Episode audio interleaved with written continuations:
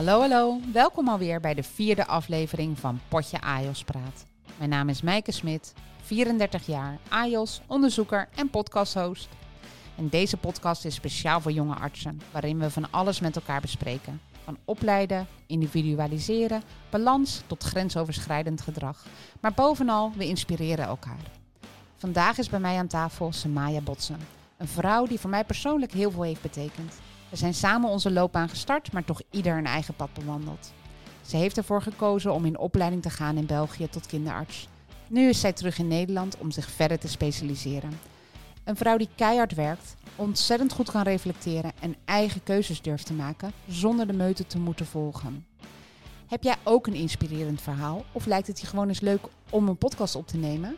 Meld je dan aan bij info.potjeajospraat.nl en dan spreek ik je snel. Ja, welkom Samaya. Leuk dat je er bent. Goedemorgen. Ik vind het heel leuk om met jou deze podcast op te nemen. Ik ook. En gelukkig heb je het gehaald, want je bent de hele week ziek geweest. Nou, nou, stem is er nog? Precies, het belangrijkste. Ja. Hè, en je zit aan de thee. Kuchje tussendoor kunnen we aan. Ja, zeker. Dus we gaan gewoon lekker met elkaar in gesprek. Nou, ik heb er zin in. Ik ook. Ik ook. Ik wil heel graag eh, met jou bespreken de weg die je gevolgd hebt. Want die is ook niet eh, altijd even makkelijk geweest. En wij zijn samen begonnen als guppies. Eigenlijk in de collegebanken. Maar toen spraken we elkaar nog heel weinig. Nee, ja, inderdaad. En toen werden we alle twee anjos in een perifeer ziekenhuis. En hebben we een superleuk jaar gehad. Ja. En nou ja, vanuit daar ben je uiteindelijk helemaal doorgegroeid tot de fellow hematologie, hè, kinderhematoloog. Ja.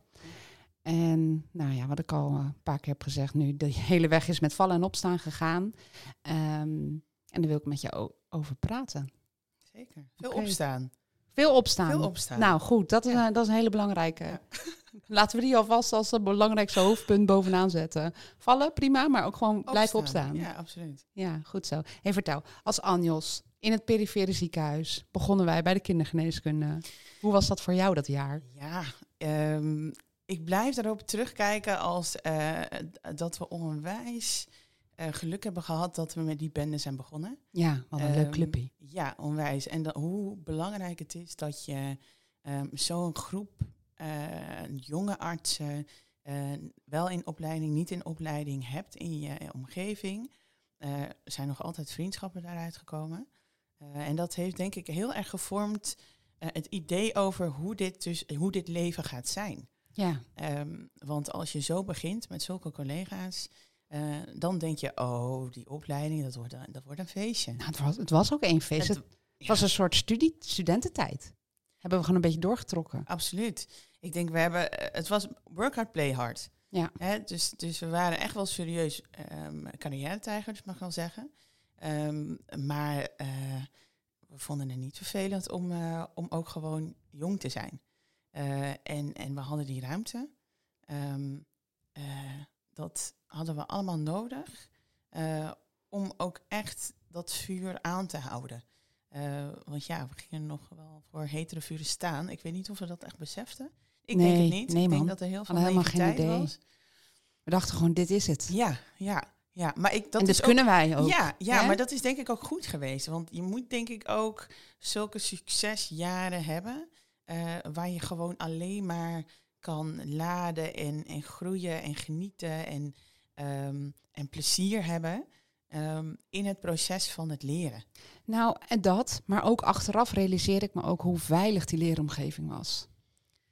Ja, Want wij konden, wij, even voor de, voor de luisteraars, wij waren een clubje denk ik met zes assistenten Ja, ongeveer. ja. Zowel Belgische assistenten die een jaar in Nederland kwamen werken, als gewoon Nederlandse assistenten. We waren eigenlijk jaar. allemaal jong. Ja. We waren allemaal nog met weinig ervaring. Ja. En het was gewoon heel veilig. Niemand hoefde zich beter voor te doen dan dat hij was. Iedereen kon bespreken van, oh, dit lukt me niet, ik kan het niet, kan je me helpen? Er was heel veel loyaliteit naar elkaar. exact. We gunden elkaar ook ehm, die toekomstvisie die we allemaal hadden. Ja, iedereen wilde wat anders Ja. en het was helemaal oké. Oprecht. Ja, En niet eh eh two-faced. Geen twee nee, gezichten. nee, mooi hè? Ja. Ja, en toen, toen dacht ik nog dat, dat het zo ging. Nou, ik, ik, Little did we know. nou, ik, ik herinner me nog ehm, dat ik ontzettend zat te balen, omdat ik wist dat jij naar de academie ging. Je was een- Ja. net, ik denk, een, een maand of drie eerder begonnen eh, dan mij in het perifere ziekenhuis. Dus ik wist ja, dat je waarschijnlijk ook wat eerder ging vertrekken. Ehm, maar niet wetende dat ik in datzelfde ziekenhuis in de academie uh, jou eigenlijk zou volgen. Ja. En binnen de kindergeneeskunde andere afdelingen. Ehm, en ja, daar was onze start dus eigenlijk ook samen. Um, nou, we vonden onszelf echt de bom dat we dat gingen doen. Dat herinner ik me ook nog wel. Ja, ja. was echt heel cool. Ja. Ja. We gingen gewoon naar een universitair ziekenhuis. Exact. Ja. ja, met alle moed en alle brani en alle enthousiasme ja. Uh, en vastberadenheid dat wij oh, ja. gewoon Want kinderartsen gingen worden. Tuurlijk. Sowieso. Er was gewoon geen seconde in ons hoofd die daar echt over getwijfeld heeft. Nee. Kinderarts ging het worden. Ja. Ja. ja. En dat was toch... Uh... ik denk dat ik in dat jaar meer gehuild heb dan in, in, in tien jaar bij elkaar. Ja. ja, en dat zegt wel wat. Ja, en jij? Het was zwaar. Uh, het was uh, mentaal een hele uitdaging om op je 26 hè, want we waren 26, 27. Um, nee, heel jonger. Nee, 25 begonnen, um, ehm, 26. Nou ja, zoiets. Ja, in de academie. Um, ja, en dan moet je je bewijzen. En we wisten van tevoren wel dat dat ons, uh, ons veld ging worden. Um, maar uh, hoe dat eraan toe ging en wat je daarvoor uh, zou moeten inleveren, ja, dat was toch um, pittig. Ja, nou, en we kwamen natuurlijk en uit een heel warm bad. Ja. Waarvan we eigenlijk natuurlijk gewoon in onze naïviteit hadden gedacht. Dit zet, toch, dit zet zich gewoon voort. Zo gaat het altijd. Hè? Zo, gaat, zo gaat ons leven zijn. Ja. Zo gaat onze carrière zijn. Eén groot feest. We vinden dit geweldig. En toen, toen bleek dat inderdaad niet te zijn. En toen hebben we alle twee uh, een nare tijd gehad in, in, in, in, dat, in het universitaire ziekenhuis. En alle twee op een andere afdeling. Ja. En um, voor mij was het zwaar op een andere manier dan voor jou. Ja. Um, ik weet niet zo goed wat je daarover wil vertellen zelf. Want jij bent van Surinaamse afkomst. Ja. En jij hebt ook gevoeld dat dat in je nadeel heeft gewerkt. Nou, ja, zeker. Um, waar je eigenlijk tegenaan liep was competitiedrang um, van jonge uh, mensen, vrouwen eigenlijk uh, altijd in onze ja, in hoek. onze Ja, het zijn gewoon veel vrouwen. Ja. die heel ver gaan om uit te blinken. En uh, dat kan door hard te werken en uh, jezelf te laten shinen door datgene wat je zelf in je hebt. Uh, maar dat kan ook door, um, ik, wil, ik wilde zeggen zwart maken. ja, alleen jij mag dit grapje maken natuurlijk. maar dat is het eerste wat in me, in me, in me opkwam. Onderscheid maken tussen, tussen wie in die top behoorde en wie niet. Um, het was lastig werken en als uh, criticus um, gaf ik mezelf ook niet altijd de ruimte om uh, dat proces van groei ook op een oké manier door te maken. Uh, waardoor ik onzeker werd. dat reflecteerde in mijn, in mijn werk terug. Um, er waren al op die afdeling wat ervaringen met um, ook assistenten in opleiding die uh, het laatste deel van hun opleiding afronden, uh, maar eigenlijk afkomstig zijn van Suriname. Um, daar geboren en getogen en ook teruggingen. Ja. En uh, dat is een, een, een groep, een gemengde groep van wel niet in opleidingsassistenten van verschillende achtergronden, waarvan ik in ieder geval heel erg probeerde om te horen bij die groep die tot de top zou worden bevonden en um, dus ook um, in opleiding zou kunnen komen.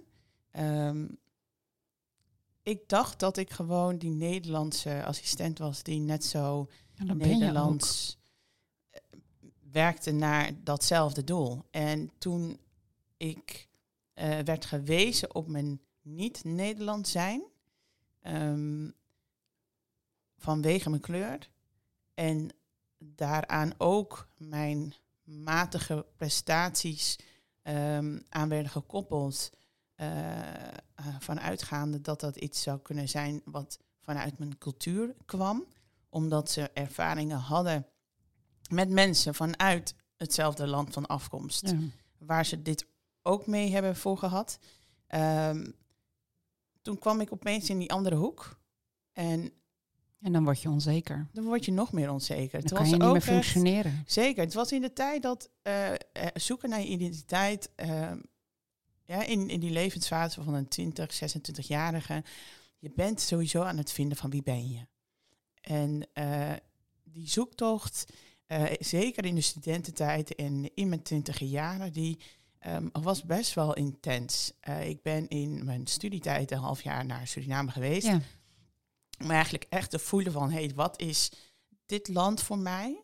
Um, toen ik terugkwam, was ik zo ervan overtuigd van, ik hou van dat land, maar mijn land is Nederland. Ja, je bent hier ook geboren en getogen, getogen gestudeerd. Mijn, mijn mentaliteit is zo, mijn cultuur is zo, voor een groot deel. Um, en toch wist je dat je als uh, donkere Nederlandse altijd nog iets extra's moet doen om erbij te horen? Ik vind het echt heel verdrietig.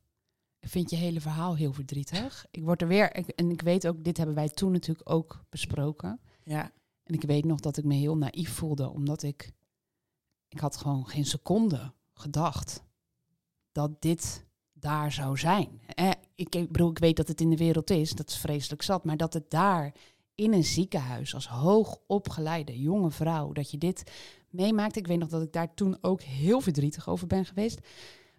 Nu ben je weer heel veel jaar verder en kijk je weer met een meer helikopterview ernaar. Ja, ja. En vind ik het eigenlijk alleen maar erger worden. Ja, en in die helikopterview moet ik eerlijk bekennen dat in elk stuk van uh, opleiding en onderwijs heb ik dit wel gehad. Dus het was misschien ook heel naïef om te denken dat ik dit nooit ging tegenkomen uh, in, in, in, deze hoogopgeleide setting. Um, maar dat was het zeker. En, en in die heel intense tijd van het zoeken naar identiteit um, bracht dit me uh, heel wankel. Um, en ja, gaf dat veel tranen en veel onzekerheid en veel zelfbeklag. uiteindelijk heb ik een coach bij de hand genomen. Ja, um, slim. En uh, dat is denk ik echt een, uh, een hele um, goede stap geweest om uh, te leren uitdragen, het is oké okay wie je bent. Ja, je hoeft niet anders. Je, je bent niet anders. Je bent niet anders. Je bent goed genoeg. Je bent goed genoeg. Je kenwaarden zijn jouw kenwaarden. En um, ga daarmee aan de slag en kijk hoe, hoe ver je komt. Kijk waar je komt. Ja. Want het conformeren tot iets wat gewenst is, wat veelal in die hoogopgeleide setting uh, binnen de medische wereld is, ja. um, is niet altijd ideaal, denk ik. Nee, zeker je niet. Je moet niet altijd hetzelfde willen. Uh, in het ziekenhuis. Je moet, ja. Nee, en dat, en, en dat pad ben jij toen ook echt gaan bewandelen. Want toen heb jij gezegd: Oké, ik, ik zit hier niet op mijn plek. Ik word hier niet gewaardeerd om wie ik ben. Ik kan hier niet functioneren. Ik vind het heel knap dat je dus. Dat, dat brengt je uiteraard aan het wankelen als jonge vrouw. Maar dat je toch gedacht hebt: Oké, dit komt door de context. Dit exact. ligt niet aan mijn kernwaarden. Dit ligt aan de context. Exact. En toen heb jij gedacht: ik ga weg hier. Nou ja, die realisatie daar heeft die coach me toe geleid. En toen kwam uh, gelukkig op mijn pad dat er een mogelijkheid was om uh, ook, ook, een opleiding kindergeneeskunde in het buitenland ja. te doen, in België. Ja, en we hadden ook allemaal Belgische assistenten gewerkt. Juist, hè? Dus ja. die brug voelde denk ik ook al iets kleiner. Absoluut. Um, ik had echt vanuit eerste hand um, ervaringen, voorbeelden uh, gehoord, gezien van hoe dat dan uit zou zien. Um, en uh, dat is natuurlijk een, uh, een introductie. Uh, dan weet je nog niet hoe het echt is. Nee, je weet niet hoe het voelt. Nee, maar goed, dat wist je eigenlijk ook nog niet van in Nederland. Um, en ik wilde op een plek zijn waar het dus niet uitmaakte of ik nou erbij ging horen of niet. Want ik wist wel dat als je als Nederlandse in België iets gaat doen, dan ga je nooit de Belg worden. en is dat misschien ook helemaal oké. Okay. Dus dat, dat haalde de druk weg uh, om bij mij um, om, om ergens te willen bijhoren en me daarom te conformeren tot um, iets wat ik niet was. Dus dat, dat heb je het gevoel gehad in Nederland. Ja. Van ik ben, ja, erbij, je hoort erbij, hè? Even ja. daar uh, dat ja. allereerst gezegd. Maar doordat, je het, doordat ze jou het gevoel hebben gegeven, je hoort er niet bij, ging jij alleen maar harder werken om er wel bij te horen? Ja, zeker. Ik herinner me echt ook nog uitspraken die dat bevestigden. Dat ik zo gezien werd, dat ik er niet bij hoorde. Ehm, en ja, ik besefte me dat als ik dus naar een plek ga waar ik dat überhaupt niet heb. Nee, want ik bedoel, als Nederlandse ben je natuurlijk echt nieuw dan in, in die Belgische cultuur, die echt heel anders is. Dan in elk ander land ben je anders. Ja. dus ze, ze, ontvangen je als een, uh, iemand van niet hier. Um, en je doet je ding en dan ga je weer verder. En ik had heel erg die neutraliteit nodig um, om te zien, oké, datgene wat ik dus in mijn mars heb, maakt dat dat ik er kom. Ja, precies. En dat is wel gelukt. En je, hebt, je hebt heel sterk vertrouwen gehouden in jezelf. Met heel veel vallen en heel veel opstaan. Ja, maar dat is toch knap? Je bent een onwijs vastberaden geweest. Ja, vastberaden. Ik vind het altijd zo raar als mensen dat zeggen. Vastberaden, ja, maar vastberadenheid vind ik niet, dat, dat heeft me niet daar gebracht. Het is... Nee, maar je bent ook niet roekloos geweest. Je hebt wel gewoon gedacht, ik moet het wel een leven creëren wat ook uiteindelijk fijn is. Exact. Ik ga hier niet doorzetten exact. ten koste van mijn eigen geluk om er maar te komen. Ja, maar wat je wel wat nodig veel hebt... mensen wel doen. Wat overigens. veel mensen wel doen, maar wat je daarvoor nodig hebt, is ook exploreren. Waar zitten die grenzen dan? Ja, maar hoe weet je dat ook? Nou, om, om ze te, ja, door ze te overschrijden. Ja. En dat is wel gelukt uh, in België. Ja, maar dat is ook heftige tijd geweest, toch? Ja, de opleiding daar is heel erg uh, vanuit het principe aldoende leert men. Ja. Dus je doet heel veel. Hoe het hier uh, vroeger was? Exact. maakt vele uren um, die niet altijd gezond zijn. fysiek niet, mentaal niet. Um, maar daardoor zie je heel veel. Um, daardoor uh, kom je in, veel situaties waar je um, moet handelen. je leerproces wordt je daar bijna geforceerd.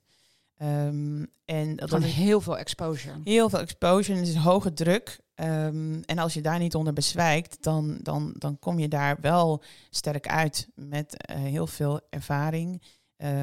en daardoor ook um, groei in je zelfvertrouwen. Ja, je bent daar weer gaan opbouwen eigenlijk. Ja, ja. ja. ja. En als jij zegt van uh, ik heb veel uren gedraaid, dan praten we niet over de 40, 50, 60 uur. 80. Ja, ja hè, je had 24 uur diensten.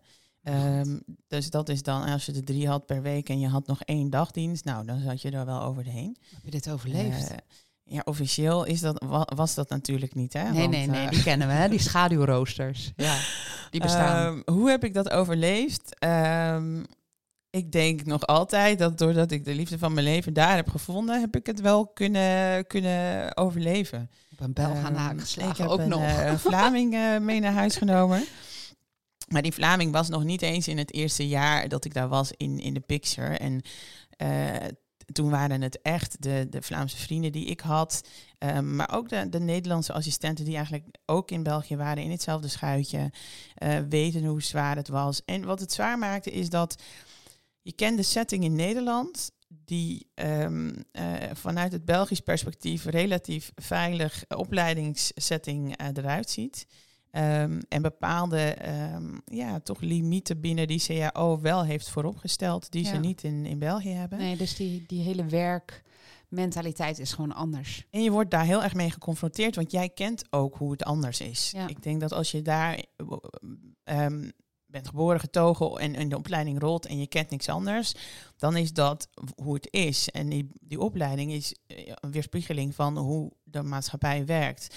Als je uit een andere maatschappij komt en een andere opleiding, um, van een op, andere opleidingsstijl hebt geproefd, dan kom je in een clash van hé, hey, wat is dan nou opleiden? Ja. Hoe doe je dat dan eigenlijk? Dit is, is gewoon exposure en that's it. Heel ja. veel exposure. Ja, ja. En mensen vragen mij altijd van, hè, uh, is het ene dan beter dan het ander? Ik denk dat de waarheid in het midden ligt.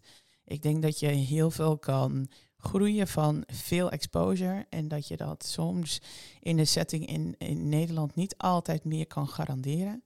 Um, dat je zoveel ziet, um, omdat er heel veel schijven zijn. Ja. Um, en daar werkt het ook anders hè, in België qua eerste lijn. Ik bedoel, je ziet ook veel absoluut, meer huis, ja, problemen. Ja, ja. Ja. En dat zijn natuurlijk ook, dat zijn denk ik wel hele mooie leermomenten geweest die je ook meeneemt nu als kinderarts zijn weer in Nederland. Ja, absoluut. Heel veel ervaring. Je leert ook um, zelfstandig beslissen. Um, en dat is iets wat je hier uh, op een wat meer um, begeleidende manier wordt aangeleerd, doordat je uh, supervisie heel dichtbij je staat. en uh, daar sta je er soms gewoon alleen voor. dat is ja. heftig. Heftig, hard. Ja, ja, en, en nou ja, ik denk dat we hier ook niet al te veel op in moeten gaan. Want hier kunnen we natuurlijk onderwijskundig uh, heel veel van vinden, zeg maar. In de zin van het moet ook patiëntveilig blijven. Absoluut, ja. Hoe garandeer je dat? Mm -hmm. um, denk dat we dat heel even moeten laten nu. Uh, voor dit gesprek kunnen we later altijd nog een tweede podcast over opnemen. Maar ik ben met name heel erg benieuwd, want jij zegt ik heb die struggelingen ervaren in het universitaire ziekenhuis. Ik ben naar België gegaan, hele andere werkmentaliteit. Ik ben daar doorgekomen, hè, met vallen en opstaan uiteraard, met vrienden en een partner op een gegeven moment. Um, maar de cultuur van de mensen in België is ook nog eens heel anders. In de zin van wij zijn veel directer, recht voor zijn raap. Um, hoe was dat voor jou? Want dat is dan weer een soort ander uiterste. Ja, dat is een, dat is een, uh, uh, een cultuurcrisis. Het is een clash. Ik, ik, ik, heb altijd gezegd dat ik het makkelijker zou hebben gevonden als ik verder weg een opleiding had gedaan. Omdat de mensen thuis in Nederland dan hadden begrepen dat, dat die cultuurclash er ging zijn. Ja. ja. En um, ik, ik, denk nu dat uh, inmiddels mijn vrienden en mijn familie die cultuurclash nu ook wel begrijpen, omdat mijn partner in ja, Nederland is en dat ze ook echt zien van goh, hij is echt anders. 200 kilometer die maakt echt uit. Ja. Um, ik denk dat uh, mijn partner, maar ook mijn Vlaamse vrienden mij heel erg hebben geholpen om open te staan voor een andere cultuur. En ik denk dat het feit dat ik dus wel ook uh, met twee culturen ben opgevoed, uh, maar ook de capaciteit gaf om die ruimte te kunnen hebben van oké, okay, dit is gewoon die anders. Tools heb jij. Ja. ja. En die acceptatie en het respect van dit is anders en dat is oké, okay, die was vrij snel ingebed. Je conformeren en je aanpassen eraan, dat is toch iets anders, want je blijft ook jezelf. Ja. Um, en tot op de dag van vandaag clasht dat soms nog met mijn partner, um, maar dat maakt ons ook eigen. Um, het is goed om van elkaar te leren. En daar kan je ook een beetje nu de lol van inzien, toch? Ja, het is kruisbestuiving altijd. En dat, dat heeft ja. momenten waar het heel erg wringt, maar het heeft ook momenten waar je, waar, die hilarisch zijn, die, um, die heel eye-opening zijn, die, die je leert, waardoor je groeit. Dat Ja. hoort ook bij opleiding, vind ik zelf. Zeker weten. Hè, ik zeg altijd dat mijn opleidingstijd daar is niet alleen maar mijn opleidingstijd daar, maar het, leven daar in een andere cultuur, in een andere maatschappij, heeft me gevormd als mens. Ja, En dat heb ik ook meegenomen in mijn opleiding. En dat zie ik nu ook terug, heel Als- waardevol. kinderarts zijnde. Ja, Ja, ja. ja. dat is heel mooi. Ja, ik denk dat je het heel mooi verteld hebt. Aan de ene kant hoe zwaar het is, maar ook wat het je toch allemaal gebracht heeft. absoluut. Ik, Ja. zeg, ik, ik kijk erop terug en ik zeg altijd, dat is de beste tijd van mijn leven. Maar de diepste punten van mijn leven, die zijn, die Ook zijn daar. ook daar. Ja. ja. Mooi, mooie samenvatting. En je bent op een gegeven moment weer teruggekomen aan het eind van je opleiding om het af te maken in Nederland. Ja. Ehm, dat ben je ook gaan doen. Maar toen heb je een besluit genomen. En dat vond ik, toen je dat voor het eerst zei tegen mij, toen dacht ik, oh, jij bent zo'n topper dat je dit gewoon doet. En dit moet je echt goed vertellen. Ehm, je hebt besloten om je opleiding met een jaar te verlengen. Ja. Ik kwam terug ehm, in eh, eh, eigenlijk de, de COVID-tijd. hè. Ehm, het was de Gekke tijd. een heel gekke tijd. Eerste deel van de COVID-tijd woonde ik nog in België. Eh, we zijn net eh, in, een, in het eerste window, wat goed was, verhuisd naar Nederland. En ben ik hier dus verder gegaan met mijn opleiding. Ehm, maar ook de COVID-pandemie heeft die opleiding heel erg getekend. Ehm, omdat er meerdere lockdowns kwamen. Ehm, Heb jij ook op de IC gewerkt, de volwassen IC? ik heb op de cohortafdeling gewerkt. Ehm, Wat dus was dat precies? dus je had de IC-afdeling waar echt de, de geïntubeerde mensen lagen. eh, en de hoge intensieve zorg. En de mensen van de COVID-afdeling, cohortafdeling, eh, daar, die werden ook bestaft door eigenlijk alle assistenten vanuit alle pools van het ziekenhuis waar ik toen werkte. Um, stond, stond je opeens weer bij volwassenen. En stond ik opeens uh, oudere mensen af te leggen in je eerste diensten die je daar had. Dus dat was bizar. Het was echt een, uh, uh, ja, een, een soort overlevingsmodus geneeskunde. Um, en dat, dat heeft toch wel een, een groot stuk van mijn opleiding hier, wat de bedoeling was, je gaat het hier afronden en dan um, ben je klaar. Dat heeft het heel erg bepaald. Dus enerzijds um, was het voor iedereen zo dat die reguliere zorg, die kwam op de, op de tweede plaats, of die kwam om Zoveel mogelijk onhold in ieder geval. En um, ik had altijd wel een beetje het gevoel van, goh, eh, is het niet mogelijk voor mij om dat stukje wat ik daar heb gemist, met terechte reden, kan ik dan nog terughalen. Um, en dat was het opleidingsstuk wat ik had gemist. Tegelijkertijd van zo'n intensiviteit in België was mijn um, uh, uh, voorstelling uh, en mijn verwachting van terugkomen in Nederland ook van oké, maar nu kan ik eindelijk even rustig gaan. Nu wordt het makkelijk. Nu wordt het wat nu makkelijker. Nu is het gekaderd. En dat was natuurlijk helemaal niet zo. Nee, toen um, kwam COVID. COVID kwam, uh, die gaf uh, in mijn persoonlijke setting ook wel echt relationele, financiële stress mee. Um, die eigenlijk mijn hele systeem wankel maakte. Um, ik heb in eh, mijn uh, laatste jaar, toen eigenlijk de pandemie een beetje op zijn einde was, ja. uh, ook gesprekken gehad met mijn um, plaatsvervangend opleider in Nederland van goh, um, het is me toch best wel veel. En ik wil niet uitvallen. Ik weet hoe het eruit ziet om echt in een burn-out te vallen. Maar ik heb tijd nodig om eventjes op, op adem, adem, te komen. komen. Ja. En dan uh, vraag ik eigenlijk om een periode waar er even niets van me wordt verwacht. Die periode heb ik gekregen, um, zes weken. Uh, onbetaald verlof. Onbetaald verlof. Dus je hebt ervoor gekozen om je niet ziek te melden? Ik heb me niet ziek gemeld. Ja, waarom ik, niet? Omdat ik niet ziek was. En ja. ik vind het een raar systeem dat we dus eigenlijk alleen maar onbetaald verlof kunnen krijgen of weg moeten zijn bij ons werk. In de medische wereld is dat alleen maar geaccepteerd als je ziek bent. Nee, maar Zwangerschapsverlof is nog niet eens ziek zijn. Hè? Dus Sta je ook ziek gemeld trouwens? Ja, nou ja, en, maar, dat, Is toch, dat is toch iets raars. Je bent niet ziek, je hebt gewoon tijd maar het was wel preventie nodig. Want anders Absoluut. ging je wel uitvallen. Nou, maar dat is wel hoe ik het heb ingeschat. Um, maar ja, om dan te zeggen dat je dan al ziek bent, nee, dat, dat, dat, nee, dat, dat wilde is je niet. Nee, nee. En in die zes weken, hoe heb je er toen voor gezorgd dat je, nou ja, weer gewoon wat meer tot rust en meer in balans kwam? Want dat is dan nog best wel een soort opdracht of ja, zo. absoluut. Okay, dat moet ik nu gaan doen. Je moet uit een ritme. Ja. Uh, en dat ritme, dat is je natuurlijk al jaren opgeplakt, dus dat is moeilijk. Um, ik woonde uh, in Den Haag en toen ben ik heel veel naar Amsterdam gegaan. Uh, naar mijn oma die destijds toen nog leefde, in de laatste maanden dat ze nog leefde. Um, en ik ben heel veel bij, bij haar geweest, heel veel bij hun geweest, heel veel mijn familie geweest, heel veel uh, familiaire dingen gedaan. Mijn Andere neefje opgehaald van school. En echt volledig niets met het ziekenhuis willen hebben. Gewoon leven zoals andere mensen leven van onze leeftijd. Ja. Um, waar wij eigenlijk niet zoveel de tijd voor hebben om te doen. Nee, want dat, dat heb jij natuurlijk ook allemaal moeten missen in jouw hele assistentschap. Gewoon ja. de normale familiaire dingen hier in Nederland? Die waren uh, minimaal. Ja. Um, omdat het uh, heen en weer gaan lastig was met de werkbelasting. Um, dus ook dat waren de dingen waar ik naar had verlangd uh, in het idee van als ik terugkom. En in die COVID-pandemie door alle restricties maakte dat dat er niet was. Dus nee. het laden wat je echt nodig hebt. En je hebt, je hebt pieken, je hebt dalen, je moet hard werken, maar je moet ook energie opdoen. En ja. uh, als je alleen maar energievreters hebt, dan kan je niet meer zo energie opdoen. Ook nee. dat heb ik geleerd van die coach in dat eerste jaar. Um, en dat was eigenlijk de reden om te zeggen: hé, hey, ik moet laden. Want nou, en mijn is energielevel wel, is laag. Het is denk ik wel een belangrijke boodschap voor ook de luisteraars. Je zit vaak in een trein. Roosters zijn gemaakt, alles is ingevuld.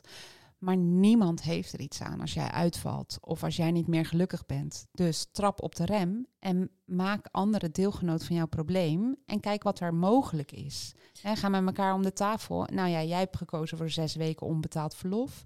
Dat heeft ervoor gezorgd dat jij weer wat meer in balans kwam. En daarna kan je dan ook weer met plezier je werkzaamheden voortzetten. Maar Absoluut. als je natuurlijk maar blijft doorrazen ja. en over je grenzen blijft gaan, ja, uiteindelijk krijg je gewoon een deksel op je neus. En het bijzondere is, we weten allemaal heel goed hoe het voelt om op die rand te zitten. Oh ja. De, en het rare is dat we misschien een minderheid in de gevallen durven we het nog te zeggen, maar echt ernaar te handelen is ingewikkeld. En dat komt ook door de rigide systemen. Eenmaal dat ik die zes weken heb gehad, heb ik mijn opleiding afgerond. En, um, maar je hebt het uiteindelijk een jaar verlengd. Ik heb hem afgerond in het ziekenhuis, conform de duur die, uh, die nodig was om mijn afleiding op te leiden. Mhm. Maar ik voelde nog niet dat ik klaar was. En uh, ik kreeg vanuit mijn opleiding in België wel de flexibiliteit en de ruimte um, om dat dus nog met een jaar te verlengen. En in dat jaar uh, was de enige voorwaarde dat ik wel uh, aan de bak zou gaan. Dat ik niet in dat jaar thuis op de bank zou zitten. Nee, maar dat dan ik moet wel ook uren... exact ziekenhuizen zou vinden waar ik um, aan geleerd kon worden. Die vrijheid die heb je in die zin wel in, uh, in, vanuit België. Um, en dat is me ook gelukt. Ik heb toen in een uh, perifere ziekenhuis gewerkt. In België? In Nederland in opnieuw. Nederland. Oh um, ja. ja. ja. En, um, en vervolgens nog uh, drie maanden in de academie. Ja. Uh, en dat heb ik in het begin van het jaar uh, afgerond. En dat waren voor mij. Heb je hier, heb je hier, sorry dat ik je in de reden ja. maar heb je hier erg over getwijfeld? Want het is toch van, hé, je hebt je opleiding, die heb je afgerond. En dat jij hebt gezegd van nee, ik ben daar nog niet, vind ik echt het toppunt van, van zelfreflectie. En dat je er ook naar hebt kunnen en durven handelen van nee, ik heb meer nodig. Heb je dat, heb je daar, vond je dat moeilijk? Ja, zeker. Ja? Omdat je, je, je zit, wat je zegt, in een trein. En die trein duurt een bepaalde periode. Vanuit België is het vijf jaar. En daarna is de trein klaar. Ja, that's en daarna dan moet je het kunnen. En dan moet je het kunnen. En dan, en dan krijg je een stempel en dan mag je door. En um, ook door die COVID. Um, maar ook door dat je groeit als mens, realiseer je dat uh, een, een opleiding um, die een bepaalde duur heeft, dat kan niet altijd overeenkomen in hoe in welke periode jij nee, je opgeleid leer... gaat voelen. Ja, en dat hoe kan jouw korter zijn en dat verloopt. kan langer. Ja, Juist, dat kan korter zijn en dat kan langer zijn. En Ja. ik um, ervaarde niet altijd veel sport um, vanuit de um, ja, huidige medische setting waarin ik toen werkte, omdat men niet kon voorstellen dat je nog langer door wilde gaan in een opleidingssetting. Want als je klaar was, ja, waarom vind zou je dat, nog ik vind verlengen? dat, ik vind dat zo kortzichtig. Ze waren dat de Nederlandse artsen waarbij je dat gevoeld hebt? Absoluut. specialisten? Ja, Dat ja, vind ik toch zo bijzonder. ja. ja, maar dat, komt omdat het kader gewoon niet zo is. Niemand hier doet dat. Niemand hier spreekt dat uit. Niemand hier zegt die behoefte te hebben. Maar er zijn een heleboel artsen die dat wel zouden moeten Ja. doen. Maar goed, dat gebeurt niet. Dus Dat is toch het toppunt van individualisatie. Uiteindelijk ben jij degene die voor die patiënt moet zorgen. ja, En als jij zegt, ik heb nog iets meer nodig in mijn rugzakje, ik ga dat doen. Ja, ik snap dan niet dat er dan toch een generatie, of een nou, generatie, of, of een, een groep artsen is die dat dan, dan toch denken, ja, dat is niet nodig. Wat onzin. Ja. Volg gewoon het boekje. ja. Ik denk dat eh, individualisatie wordt gepromoot. Maar je moet toch niet te veel buiten de lijntjes gaan kleuren. Nee, precies. Dus je Eh, mag je moet- individualiseren met een projectje. Ja. En daarna moet, en daarna moet je weer terug in je stramien. En ja, dat, dat is, dat is eh, wel de context die ik ken vanuit het Nederlandse. En misschien is dat ook een van de zaken die me heeft gedreven naar België. Omdat je daar ehm, in die zin eh, wat meer vrijheid kan ehm, inboeken in je opleiding. Ehm, Nou, ik vind dat, kijk, ik bedoel, het is heel fijn dat dat in België zo komt. Maar ik vind ook dat Nederlandse assistenten die dit horen en denken: Goh, ik zou eigenlijk ook wel gewoon toch nog een extra stage willen doen. Of toch, nou ja, mijn opleiding willen verlengen. Of ja, ga daarvoor staan. Maak je hard. Ik denk dat in mijn gesprekken met de uh, Nederlandse uh, uh, assistent in opleiding merkte ik dat daar wel uh, ja, ja, oor naar was. Um, alleen uh, de kinderartsen, uh, die, die, ja, misschien is, dat is misschien ook nieuw. En alles wat nieuw is, is een beetje vreemd en Spannend. spannend. Moeilijk. Um, en misschien gaan ze je dat dan niet per se aanraden. Ehm, ik zou het iedereen aanraden. Ja, het heeft jou veel gebracht, hè? Nou, je, je kan echt nog fine-tunen. Datgene wat ik eh, iets minder goed kon in België ook. Uh, van hoe je nou echt stevig staat. Um, en uh, je krijgt tijd. En je moet al best wel veel in een bepaalde beperkte tijd. Um, en tijd is op alle andere vlakken in het leven zo belangrijk. Nou, en die hele opleidingstijd is natuurlijk ook een hele unieke periode. Hè, waarin je natuurlijk heel veel ervaring kan opdoen, heel veel als stapsgewijs zelfstandigheid kan pakken. Maar toch nog niet alles. Hè. Je kan nog heel makkelijk terugvallen natuurlijk op een supervisor. Dus het is ook gewoon een hele bijzondere tijd. Ja. Die jij gewoon gepakt hebt. Ja, en ook daarin vraag ik me af, moeten we dat niet veranderen? Oh ja, daar ben ik benieuwd. Vertel. Opleiden leiden we hier op op een manier die alleen maar zo kan? Of kan het ook anders?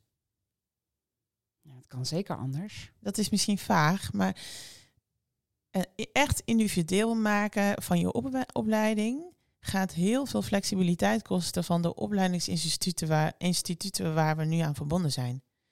Ja, en op dit moment lopen denk ik ook heel veel mensen echt tegen de praktische limieten aan van de bedrijfsvoering. Het is heel rigide.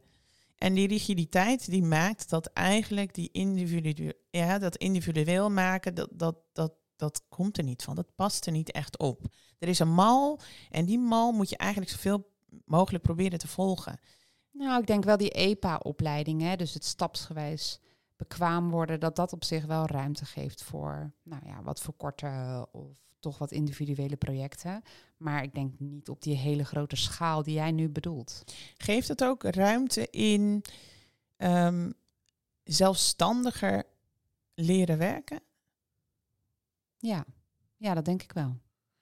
Niet het gevoel hebben dat de supervisie altijd maar als een havik op je zit, maar dat je echt even op je benen mag staan? Ja, dat denk ik wel. Het blijft natuurlijk wel de situatie zo dat die AIOS dat ook moet pakken. Van hé, hey, ik ben bekwaam hierin. Geef mij die ruimte. Er zijn natuurlijk toch nog steeds veel supervisoren die het heel moeilijk vinden om los te laten. Dat is ook logisch. Ja. Maar ik denk wel dat die EPA-structuur wel een manier is om uh, die zelfstandigheid op te eisen. Ja. Meer. Ja. om het tastbaarder te maken.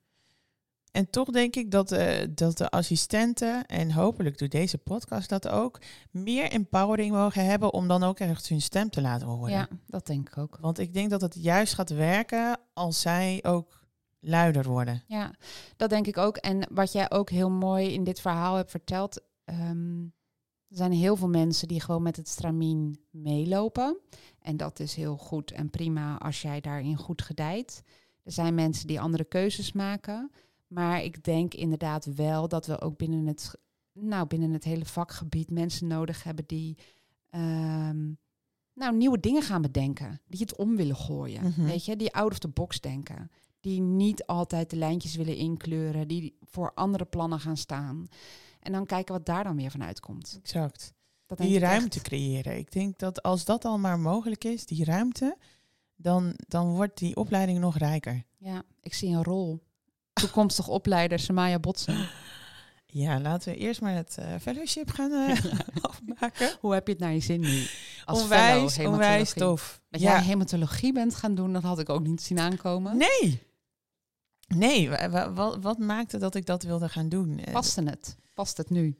Het past. Ook dit is niet het gebaande pad. Het zijn twee locaties waar mijn fellowship over verdeeld is. Dus dat, eh, dat betekent dat, eh, omdat die locaties ook wel wat uit elkaar zitten, dat ik nog twee keer ga verhuizen in drie jaar. Ja, je hebt er veel voor over zo, hè? Nou, Als je het zo opsomt. Um, maar dat past ook wel in het, in het pad wat ik al loop.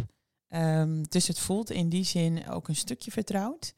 Um, en ja, waarom hematologie? Ik denk dat ik herinnerde me heel erg hoe ik kwam op het punt dat ik kinderarts wilde worden. En, als je ook bezig bent in die opleiding, je bent aan het solliciteren, dan, dan uh, moet je ook je verhaaltje in je hoofd hebben van, oh ja, hoe kwam ik hier? Want je moet je motivatie nog eventjes goed Waarom naar wil jij dit worden? Juist. Um, uh, dus dat bracht me heel erg op één herinnering um, van mij van hoe ik kinderarts wilde worden. Maar eigenlijk in diezelfde periode waren er in mijn familie veel um, ziektegevallen. Um, ten, ja, waar er toch iets van een bloedziekte aan bij te pas kwam. Binnen de hematologie? Leukemie, sikkelcelziekte en sterfte daaraan van jonge mensen. En ik vond het altijd zo'n magisch idee van, hè, dit, zit ook in mij en dit zit ook in jou. En we hebben allemaal hetzelfde, namelijk bloed. Ja. En waarom werkt dat dan bij de een zodanig dat het het ziek maakt? Um, en ik vind het een, uh, uh, qua orgaan, want dat is hoe ik het zie, een heel nederig um, stuk, uh, maar zo essentieel. Um, en de populatie die daarbij hoort, um, die is zo breed, die is zo gevarieerd van ziektebeelden, maar ook van diversiteit. Ja, en breed en mensen uh, van allerlei culturen en, en, en achtergronden. ja, dat is het mooie, hè? Dat vang je, vervang je ook weer binnen die kinderhematologie. Dat, daar hoor ik thuis. Ja. Um, hey, en, en denk jij dat je uiteindelijk, als je hiermee klaar bent, dat je nog een tijd terug gaat naar Suriname? om daar nou ja, te werken als kinderhematoloog, wat je denk echt als van ja, enorm toegevoegde waarde kan zijn? Dat hou ik open. Oh ja. Dat hou ik open. Ik denk ergens uh, is er in die diaspora van de Surinaamse uh, bevolking in Nederland, hè, die, die, die, eerste generatie uh, van de kinderen die hier naartoe zijn gekomen, altijd het gevoel, oh, moeten we daar gaan ondersteunen? Kunnen we wat bijdragen? Ik hou het open. Um, ik denk dat ik dromen heb binnen de kinderhematologie uh, die zowel uh, Suriname, maar ook de Nederlandse Antillen uh, erg kan ondersteunen. Um, en daar ligt mijn hart nu wel. Mooi. Ik ga jou volgen. Ik wil je heel erg bedanken voor je eerlijkheid, voor je openheid. Dat je je eigen keuzes durft te maken, dat je eigen pad durft te bewandelen. En je bent een voorbeeldfunctie voor heel veel andere jonge vrouwen. Nou, dat kan alleen maar met zulke goede vriendinnen zoals jij. Je bent een topper. Wij gaan uh, in de toekomst nog een nieuwe podcast opnemen. Maar voor nu was het uh, lang zat. En uh, ik spreek je snel weer. Heel fijn, dankjewel. Okay. Dit was het alweer, de vierde aflevering. Volgende week gaan we in gesprek met Inouk Koopmans. Zij heeft het platform Dokters die het anders doen opgericht. Tot volgende week!